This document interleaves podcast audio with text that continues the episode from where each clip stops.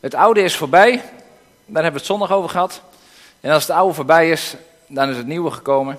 En toen dacht ik op 1 januari, dan is het mooi om het te hebben over het nieuwe is gekomen. Het oude is voorbij, het nieuwe is gekomen. Ik blik er nog even kort terug. Ik heb geen scherm hier voor me staan, dus ik kijk even ook naar achteren. Uh, dit waren de plaatjes die het symbool waren van uh, de inhoud van de, de dienst van, van zondag. We we hebben ons vergeleken met het volk Israël, wat onder uh, uh, de farao heerste. De farao die een slechte heerser was. En uh, toen zei God, laat mijn volk gaan. En door Mozes is het volk uiteindelijk uit Egypte geleid. En is er een andere heerser gekomen over Israël. En dat was de Heere der Heren, of dat is de Heere der Heren, de koning der koningen. En zo is het volk uit Egypte geleid door de Rietzee heen. En dat was het laatste plaatje, Mozes die ontzettend blij is en het volk er helemaal achteraan.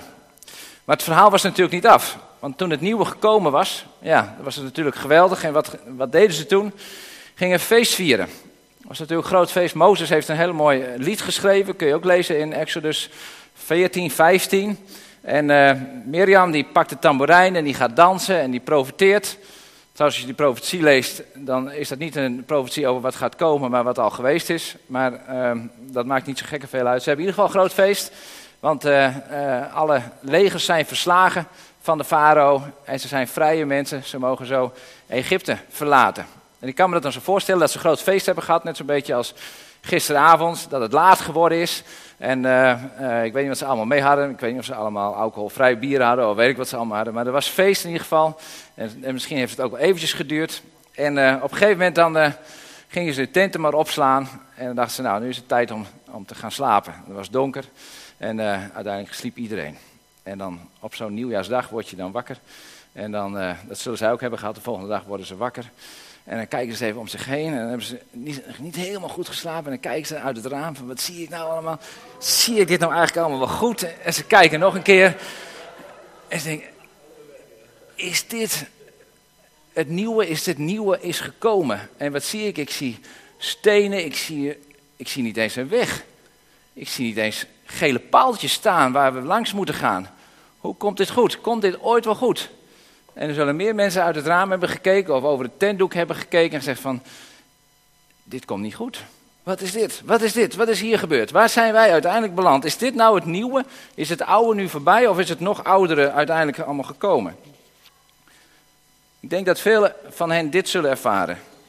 Stress. Even mijn tekst erbij pakken. Misschien ken je dat wel. Dat is ook weer een beetje de tijd van, uh, van deze tijd om uh, je vakantie te boeken. En dan uh, denk je dat je een geweldige mooie aanbieding hebt. En in het vliegtuig krijg je dan geen koffie, want het was een goedkope ticket. Maar dat geeft niks, het is niet zo heel lang vliegen. En dan kom je daar in zo'n stad aan en zie je daar een geweldig hotel. En denk je, wauw, super. En die bus, die rijdt die bus, die hotel voorbij. En dan komt bij een oud vervallen krotje. En dat is dan jouw geweldige mooie all-inclusive vakantie. En het valt vies tegen. Nou, misschien hebben veel Israëlieten dat ook wel gedacht. Ze dachten, God gaat ons uitleiden en het wordt geweldig. En ze hebben feest en de Egyptenaren hebben ze achter zich gelaten. En dan gaan ze voor zich uitkijken. En dit is wat ze zien. De woestijn en ze schieten in de stress. We kunnen dat ook lezen. En ik wil dat met jullie lezen uit Exodus 15. Dat ze het feestje al heel snel eigenlijk weer vergeten waren. Exodus 15 vanaf vers 22 lees ik tot en met 27 uit de, eh, de Bijbel in de gewone taal. Onder leiding van Mozes gingen de Israëlieten weg bij de Rietzee. Ze reisden verder de Surwoestijn in.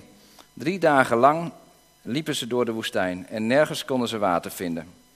Toen kwamen ze bij de plaats Mara. Daar was wel water, maar het was zo bitter dat het niet te drinken was. Daarom heet het meer daar Bittermeer. Toen begon het volk te protesteren. Ze zeiden tegen Mozes: Wat moeten we drinken? Mozes vroeg of de Heer hen wilde helpen. De Heer wees Mozes een stuk hout aan en Mozes gooide dat in het water. Toen werd het water zoet. En daar in de woestijn gaf de Heer wetten en regels aan de Israëlieten. En daar wilde hij weten of ze hem vertrouwden. Hij zei: Jullie moeten goed naar mij luisteren, want ik ben de Heer, jullie God. Jullie moeten doen wat ik wil. Jullie moeten je houden aan mijn wetten en regels. Dan zullen jullie niet de ziektes krijgen die ik naar de Egyptenaren gestuurd heb. Ik ben de Heer. Ik zorg ervoor dat jullie gezond blijven. Toen kwamen de Israëlieten in Elim. Daar waren twaalf waterbronnen en zeventig palmbomen. Ze zetten, zich, ze zetten daar een tent op bij het water. Nou, dus de eerste dagen waren echt geen pretje zo voor de Israëlieten. En ik denk inderdaad dat de meeste van hen in stress gereageerd zullen hebben van hoe moet dit ooit komen. Dat is één manier van reageren. Ze hadden ook anders kunnen reageren. En dat was, dat ze dit morgen zagen dan, ja deze dan. En dat ze zeiden, hier is helemaal niks, hier is helemaal niks, hoe moet dit nou? Hoe moet dit nou? Hoe zou, hoe zou God dit gaan aanpakken? Hij heeft ons gered van de farao, heeft ons gered van de legers van de farao. Hij heeft ons door de zee heen geleid. Die God heeft hele grote dingen gedaan. En vol verwachting kijken, wat gaat God doen? Hoe zal God dit gaan oplossen? Want dit is voor ons te groot. Hier kunnen wij niet mee aan de slag, dit pakken wij niet aan. Maar wat zou God gedaan hebben? Wat zou God gaan doen? Dat is een hele andere manier van reageren op dat als je s'morgens wakker wordt en allerlei dingen om je heen ziet. En dat is denk ik nou juist waarom ze hier op deze plek zijn gekomen. Omdat God hen op dag 1 van het nieuwe leven, op dag 1 les 1 wilde leren. En dat is vertrouw op mij. Vertrouw op mij. Als je terugkijkt, dan zie je dat ik trouw ben geweest, dat ik bij je ben. En vertrouw op mij en ik zal je leiden door die woestijn. En dat heeft heel wat jaren geduurd voordat de Israëlieten ontdekten dat God hen zal leiden door deze woestijn. De wolkolom ging voorop en, en als die startte, dan gingen zij erachteraan. En God zorgde voor brood, God zorgde voor water, God zorgde voor wetgeving, voor regels, hoe ze het beste konden leven. God zorgde voor hen. Geen stress nodig, maar vertrouwen op Hem. Nou, dat duurde wel even voordat ze dat uiteindelijk door hadden. En zo zitten wij ook in het nieuwe jaar. We zijn vanochtend wakker geworden. Ik weet niet hoe je uit het raam gekeken hebt. Ik weet niet hoe je in je agenda hebt gekeken. Ik weet niet hoe je de kalender hebt opgehangen en gekeken hebt van wat er allemaal staat te gebeuren het komende jaar. Misschien nog wel helemaal niet. Misschien ga je dat straks doen. Ook helemaal goed. Maar 1 januari is ook de dag van allemaal voornemens en van allemaal dingen die je zou willen doen. Dat je zegt, nou eigenlijk zou ik meer moeten sporten volgend jaar. Zou ik dit jaar meer moeten sporten. En zou ik meer moeten Bijbel lezen. En zou ik meer moeten bidden. En zou ik meer aandacht aan mijn gezin moeten besteden. En mijn baas die wil dat we wat hogere doelstellingen gaan halen. En we moeten het huis ook nog opknappen. En we moeten wel een goede vakantie hebben. En misschien ook nog een betere auto. En misschien nog zoveel dingen dat allemaal op je afkomt. Dat je denkt, als ik dat lijstje ga maken. Ik heb ooit eens een keer iemand gehoord op een mannenbijeenkomst. En die zei, uh, als je overal de wijsheden verzamelt van wat mannen eigenlijk allemaal zouden moeten doen. En wie ze allemaal zouden moeten zijn. Dan heb je uh, veel meer dan 24 uur in een dag nodig om dat allemaal te kunnen doen. Nou, zo'n lijstje kan je ook aan het begin van het jaar maken. Uh, en ook al zijn je doelstellingen heel erg smart, hè, afgemeten, ambitieus en het allemaal te halen. Het, je, kan reageren als zo. Wat een gedoe allemaal, wat een stress, wat een toestand, wat, wat, moet hier allemaal gebeuren? Hoe krijg ik dit allemaal voor elkaar? Maar misschien reageer je ook wel meer met heel veel enthousiasme. Daar kan ik me ook heel goed voor. Dat je denkt, wauw, ik heb er zin in in het nieuwe jaar. Met nieuwe doelstellingen, nieuwe dingen, we gaan er tegenaan. En beide kan zijn dat je les 1 van dag 1 niet gaat leren. Omdat je je enthousiasme aan de slag gaat en ervoor gaat. En God zegene de greep en het komt goed. Of dat je in de stress stil gaat zitten en uiteindelijk niks gaat doen. Dat je vergeet les 1 van dag 1 die God ons wil leren. Die de Israëlieten wilde leren en die hij ons ook wil leren. Het kan je onrustig maken. Het kan zijn dat je allerlei dingen moet doen. Maar les 1 van les 1 van dag 1 is wees stil en verwacht het van God. We hebben het net gezongen. Verwacht het van God. Ik moest even denken aan, aan Jezus. Het Nieuwe Testament maak ik het sprongetje. Jezus die naar deze wereld kwam om, om de wereld te redden.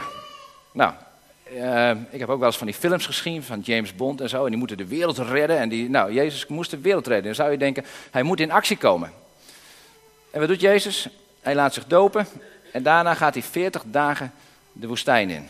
Om te vasten, om stil te zijn met zijn vader en daarna de overheerser van de wereld duidelijk te maken van jouw laatste dagen zijn geteld, want er is maar één Heere der Heren in deze wereld. En ik ga jou overwinnen. Jezus ging naar de woestijn en werd stil. Johannes de Doper net zo. Johannes de Doper leefde in de woestijn en uh, kwam, kwam daar tot stil, stilstand en verwachtte het daar ook van God zelf. Ik moest ook denken aan het eerste wonder wat Jezus deed. Dat was die bruiloft te Cana. Dan is het wijn op is de, de wijn op, het wijn, de wijn op. En dan komt Maria, de moeder van Jezus, die komt bij Jezus en zegt van, uh, er moet nu wel wat gebeuren hoor, want die wijn is op, dit feest, loopt mis. En dan zegt Jezus, wacht even, het is, uh, dit is niet aan jou om de tijd te bepalen, maar ik bepaal de tijd wanneer dingen gaan gebeuren. Doe rustig aan, zegt Jezus. Ik heb het in de hand, het komt allemaal goed. En het komt uiteindelijk ook goed. Ik hoorde een heel mooi iets over de Joden.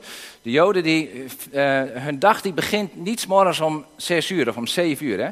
De dag bij de Joden die begint s'avonds bij zonsondergang. En het zal een uur of zes, zeven zijn. Bij ons varieert het heel erg, maar hoe zuidelijker je komt, hoe meer het rond die zes, zeven uur is. En uh, hoe begint daar de dag? De dag bij de Joden begint met een maaltijd. Je gaat eten met elkaar, relaxed. En je gaat ontmoeting hebben met elkaar. Je deelt de dingen die het leven zijn. En na het eten doe je rustig aan. En dan komt misschien wel het moeilijkste deel om het gewoon allemaal los te laten. Niet jij moet nog allemaal dingen en weet ik wel, er moeten allemaal dingen gebeuren. Nee, dan moet je loslaten en dan ga je rustig slapen. En dus heb je alles losgelaten. Want als je onrustig bent in je hoofd, ja, dan, dan, wil het slapen doorgaans niet echt lukken. Dus je laat het los en dan slaap je en dan heb je het laatste stukje van die dag, vanaf s morgens om 6, 7 uur, weet ik hoe laat je opstaat. En dan doe je gewoon jouw dingen. Dat is het laatste stukje van de dag. Jij doet jouw ding en natuurlijk moeten er dingen gebeuren, maar dan begint de dag niet mee. En dat vind ik heel mooi. Dat is eigenlijk ook de les die we hier leren. Dag 1, les 1. Rustig, het hangt allemaal niet van jou af. Het hangt uiteindelijk van God af, want de klus is veel te groot. En zo kunnen we 1 januari ook uh, om ons heen kijken. Kunnen we de kranten lezen, kunnen we NOS-journaal kijken, kunnen we uh, om ons heen kijken. En er zijn ontzettend veel uitdagingen. Er zijn heel veel mooie dingen die komen, wil ik ook zeker noemen. Uh, er komen vast mooie dingen op ons af en misschien zie je ook wel uit naar hele mooie dingen die gaan gebeuren, mooie verjaardagen die gaan komen of wat dan ook. Hartstikke goed. En tegelijk kun je ook de moeilijkheden en de problemen in deze wereld zien. Grote problemen. Oorlogen die er zijn, hongersnoden die er zijn, die we soms gewoon vergeten terwijl miljoenen mensen sterven uh, van de honger. Grote pro problemen met klimaat, waar we met z'n allen wat aan moeten doen. En waarvan je als kleine ik, en zoals wij hier zitten, misschien maar heel weinig aan kunnen doen. En toch ook wel weer wat kunnen doen. Grote dingen in de wereld en de moed kan je in de schoenen zakken. Dichterbij, polarisatie in de samenleving. De rijkdom, rijken worden rijker. Steeds meer mensen ook in armoede. Uh, misschien heb je niet eens de blik daarop, omdat je eigen klussen in je eigen leven ook al groot genoeg zijn. Heb je genoeg te dealen met je eigen relaties, met je partner, met je kinderen, in je omgeving, met je buren. Of heb je problemen op financieel gebied en heb je dit jaar je handen al meer dan, dan vol. En dan kijk je naar die woestijn en dan denk je, ja, dat kan ook anders. Je kan ook in vertrouwen gaan. Je kan ook in vertrouwen gaan en zeggen, Heer, er is zoveel voor mij, die woestijn is te groot. Ik kan het allemaal niet aan. En ik wil het ook niet aankunnen ook. Want als ik denk dat ik het allemaal aan zou kunnen, dan gaat het hartstikke mis.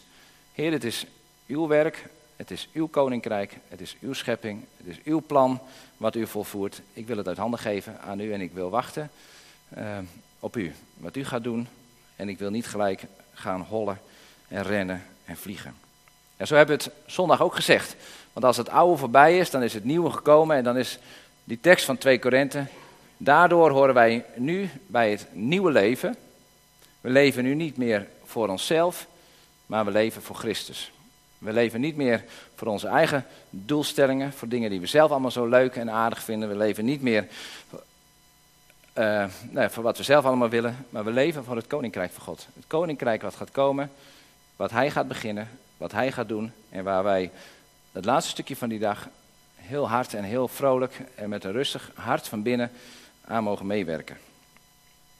En zo komt het volk, langzaam die inzettingen, komt het uit in die oase en in die rust. En zo mogen wij ook in de rust beginnen. God die voorziet en God die ons leidt. Ik moest ook even denken aan dat, uh, dat beeld wat Jeanette uh, van de Veen schetste over dat schilderij. Niet het andere beeld, maar dat schilderij wat, het waren twee schilders die uh, de rust moesten weergeven. En één had een heel rustig gebeur, gebeuren geschilderd met een rustig vredig landschap. En de ander had een heel druk schilderij uh, gemaakt met allemaal stormen en winden en weet ik wat allemaal. En daar middenin was een nest en daar was de rust en daar was de vrede. Nou, als we om ons heen kijken, dan is er heel veel onrust, misschien en heel veel onvrede.